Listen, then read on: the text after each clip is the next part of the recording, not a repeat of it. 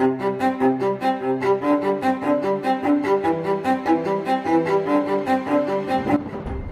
semuanya, ya kembali lagi bersama saya Angga Prayoga di artos.idfm Ruang Media Pajakmu. Gimana teman-teman kabarnya? Kita tahu di masa sulit ini pemerintah menerapkan kebijakan PPKM yang sekarang itu PPKM level 4 ya teman-teman. Nah, di mana PPKM ini membuat semua kalangan terdampak, khususnya eh, dampak ekonomi di mana dirasakan oleh masyarakat yang penghasilannya itu dari harian teman-teman. Nah, tapi di satu di satu sisi kita tahu rumah sakit sudah sangat penuh. Sehingga mau tidak mau kita uh, harus menurunkan penyebaran COVID-19 varian baru yang di mana katanya itu lebih menular ya teman-teman. Sehingga uh, kita dipaksa atau masyarakat untuk di rumah saja sehingga uh, ketersediaan uh, tempat tidur di rumah sakit bisa menurun.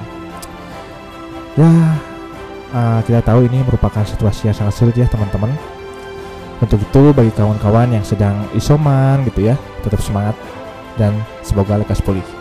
Lalu untuk masyarakat uh, dan pengusaha yang terkena dampak ekonomi juga tetap semangat dan bersabar ya. Kita uh, kita lalui ini sama-sama. Dan untuk kawan-kawan yang ditinggalkan oleh salah satu anggota keluarganya, kami Artus.id mengucapkan bela sungkawa yang sedalam-dalamnya. Mari Indonesia, kita bangkit. Kita pasti bisa melewati cobaan ini. Nah, di episode yang ke-10 ini, uh, kita mempunyai berita pajak. Salah satunya merupakan berita penting, teman-teman, di mana terkait dengan fasilitas pajak selama pandemi, yaitu uh, pemberian insentif pajak penghasilan di mana untuk mengurangi beban ya menghadapi pandemi Covid-19 resmi diperpanjang. Nah, terus uh, di sesi podcast kita akan membicarakan berbagai uh, macam bentuk hadiah di mana sebagai objek pajak. Terus di sesi Q&A pajak juga kita seperti biasa akan menjawab pertanyaan-pertanyaan terkait pajak yang masuk ke WhatsApp 081299842003 atau Twitter at artos.idfm. Nah, teman-teman, mari kita langsung saja masuk ke berita pajak pertama.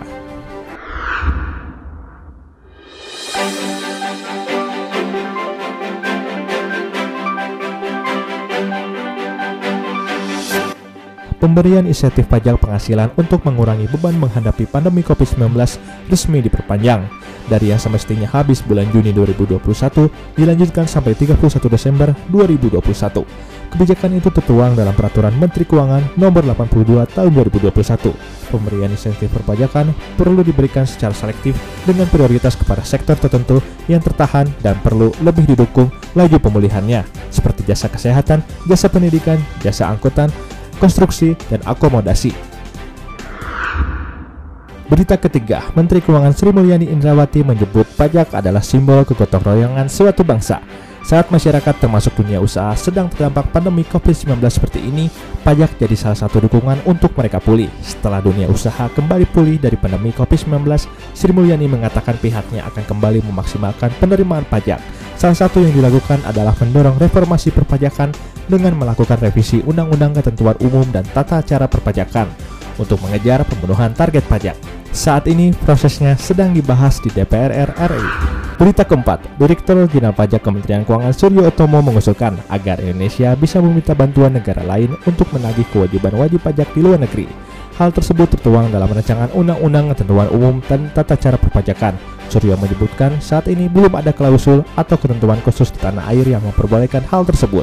Indonesia saat ini sudah menandatangani 13 perjanjian penghindaran pajak berganda. Dengan demikian, bantuan penagihan pajak bisa dilakukan jika diperkuat dalam aturan hukum dalam negeri.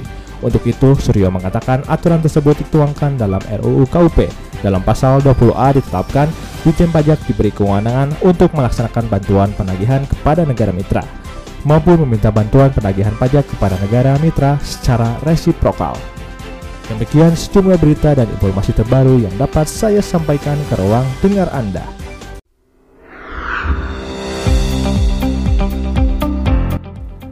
Nah, di episode 10 ini pada sesi podcast kita akan membicarakan mengenai hadiah sebagai objek pajak.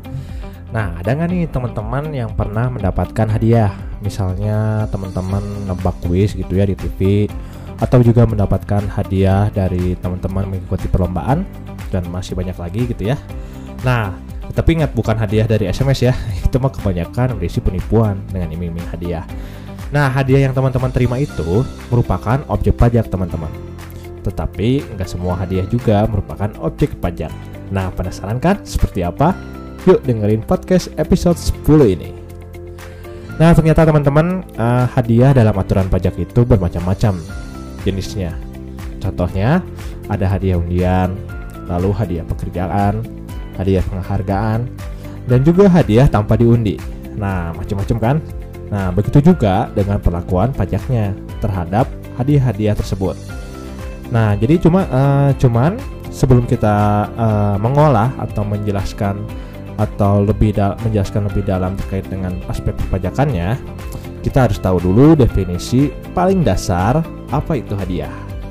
Nah, hadiah pada kamus uh, KBBI ya, teman-teman bisa cari di Google, yaitu artinya hadiah itu pemberian teman-teman. Cuman uh, saya jabarkan lagi menurut pribadi ya, apa itu hadiah? Nah, hadiah adalah uh, sesuatu yang diberikan kepada orang lain tanpa adanya timbal balik atau kompensasi secara langsung. Jadi kalau teman-teman sudah mendapatkan sesuatu ya, sesuatu yang berharga kayak hadiah ya, tapi menerimanya itu secara cuma-cuma atau kita tidak perlu membayarnya kembali ya atas hadiah yang diterima. Nah, uh, sehingga dalam pajak kan hadiah yang kita terima itu merupakan penghasilan sebagai objek pajak karena hadiah tersebut menambah kemampuan ekonomis seseorang. Gitu teman-teman. Nah, kita bahas satu persatu hadiah apa saja sih yang merupakan objek pajak penghasilan. Nah, yang pertama adalah hadiah undian, teman-teman. Pernah nggak teman-teman nerima hadiah gitu ya dari undian di acara program TV atau uh, di suatu tempat gitu ya ada acara undian hadiah. Nah, terus uh, teman-teman dapat hadiahnya. Nah, senang sekali kan? Nah, tapi uh, hadiah undian yang teman-teman terima itu merupakan objek pajak teman-teman. Jadi hadiahnya dipotong pajak ya. Nah, uh, definisi da hadiah undian dalam pajak itu jadi hadiah ya, baik dengan nama dan bentuk apa pun gitu. Nah, terus uh, diberikan melalui proses undian. Nah, kalau teman-teman mendapatkan hadiah undian tersebut, harus dipotong pajak sebesar 25% teman-teman dan bersifat final. Bersifat final itu jadi ketika dipotong ya pajaknya, maka kewajiban teman-teman pajaknya udah selesai gitu. Nah, yang melakukan pemotongan pajak tadi ya terhadap hadiah undian yang teman-teman terima dilakukan oleh penyelenggara acara undiannya. Jadi kewajiban pemotongan perpajakannya bukan dari penerima hadiahnya. Gitu teman-teman.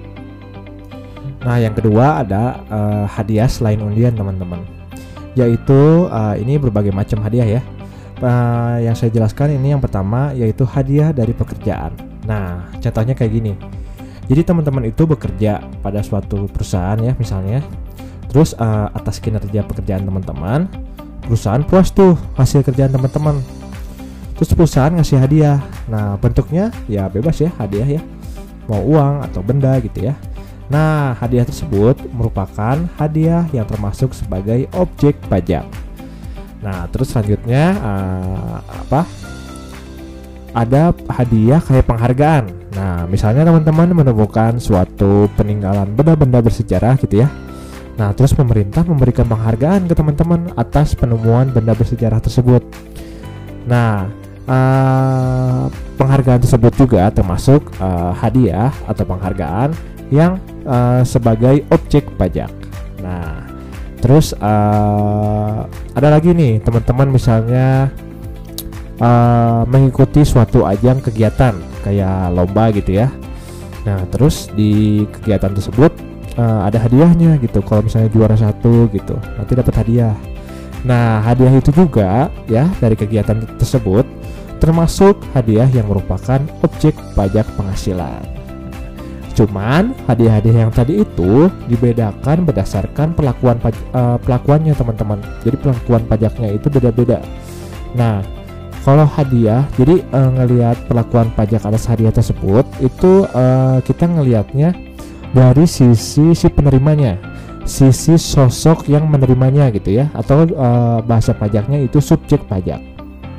Nah, jadi jika penerima hadiah yang tadi udah disebutkan ya, mau hadiah atau penghargaan, pokoknya hadiah selain undian, jika penerimanya uh, wajib pajak orang pribadi, nah hadiah tersebut atau penghargaan juga uh, dipotong pajak penghasilan pasal 21 di mana tarifnya itu yang bisa teman-teman tahu ya tarif bertingkat ya gimana penghasilannya yang tarif pertamanya itu 5% terus uh, tarif kedua 15% tarif ketiga 25% dan yang paling besar itu 30% nah itu dipotong pakai tarif itu Terus kalau penerima hadiahnya atau penerima penghargaannya itu bentuknya wajib pajak badan ya. Jadi bukan perorangan, maka hadiah tersebut mau itu hadiah uh, kegiatan atau hadiah lomba atau penghargaan harus dipotong pajak penghasilan pasal 23 di mana tarifnya itu 15% teman-teman. Nah, itulah uh, hadiah-hadiah yang merupakan uh, objek pajak. Nah, kalau misalnya hadiah langsung gimana tuh? Kayak teman-teman dapat piring ya. Kalau misalnya beli mie gitu ya di supermarket, terus dapat hadiah piring. Nah, hadiah-hadiah itu uh, ter, uh, apa? Di peraturan pajak uh, tidak dipotong pajak penghasilan teman-teman. Nah, jadi gitu. Jadi kalau hadiah langsung mah enggak ya, beda. Nah, jadi jelas ya hadiah-hadiah apa saja yang menjadi objek pajak dan yang bukan uh, objek pemotongan pajak. Semoga podcast kali ini bermanfaat untuk pendengar terkait dengan hadiah. Terima kasih.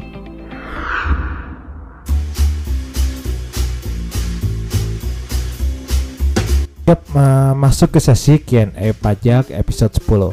Jadi seperti biasa saya akan bacain pertanyaan-pertanyaan yang masuk ke WhatsApp 081292984203 atau Twitter artos.idfm. Nah, Pertanyaan pertama datang dari 0878 24709 sekian sekian sekian. Mau bertanya terkait aplikasi pajak M pajak gitu ya untuk apa gitu. Oke. Jadi teman-teman sebagai informasi DJP itu uh, akhir-akhir minggu berapa ya minggu kemarin gitu ya udah udah agak lama pokoknya mah. Jadi DJP itu mengeluarkan aplikasi mobile yang namanya M Pajak. Nah, aplikasi ini bisa diunduh sama teman-teman di Play Store atau App Store gitu ya. Nah, aplikasi M Pajak ini memiliki beberapa fitur teman-teman yang dapat digunakan sama teman-teman atau wajib pajak gitu ya untuk memenuhi kewajiban perpajakannya. Ya membantu gitu ya maksudnya. Nah, di antaranya ya ada fitur uh, menu e-billing yang berfungsi membuat kode billing menjadi lebih mudah. Jadi bikinnya tinggal di HP aja gitu ya, aplikasi klik klik klik klik jadi aja. Nah terus uh, teman-teman juga di M Pajak uh, bisa cek kartu NPWP ya NPWP digital jadi nggak perlu pakai digital fisik ya yang simpan di dompet sampai tebal dompetnya teh gitu ya. Jadi teman-teman bisa buka aplikasinya terus kita bisa lihat oh berapa sih nomor pokok wajib pajak kita gitu ya. Nah terus uh, ada juga ya di fitur eh, aplikasi M Pajak ini informasi terkait kantor pelayanan pajak gitu ya KPP terdekat. Kalau teman-teman butuh gitu. Nah, terus ada juga di, aplik uh, di aplikasi M Pajak juga ada informasi peraturan perpajakan terbaru. Jadi teman-teman bisa lebih update peraturan pajak. Nah, dan yang terakhir ya, yang menurut saya ini lebih uh, menarik gitu ya fiturnya, yaitu fitur pengingat batas waktu penyetoran dan pelaporan pajak. Sehingga membantu uh, atau mengingatkan ya, mengingatkan wajib pajaknya untuk melaksanakan kewajiban perpajakannya agar tidak terlambat. Nah itu dia sesi Q&A artos.idfm episode 10 ini Mengenai aplikasi M Pajak ya Tetap nantikan artos.idfm episode selanjutnya Di media podcast kesayangan kamu. Terima kasih, saya Angga Prayoga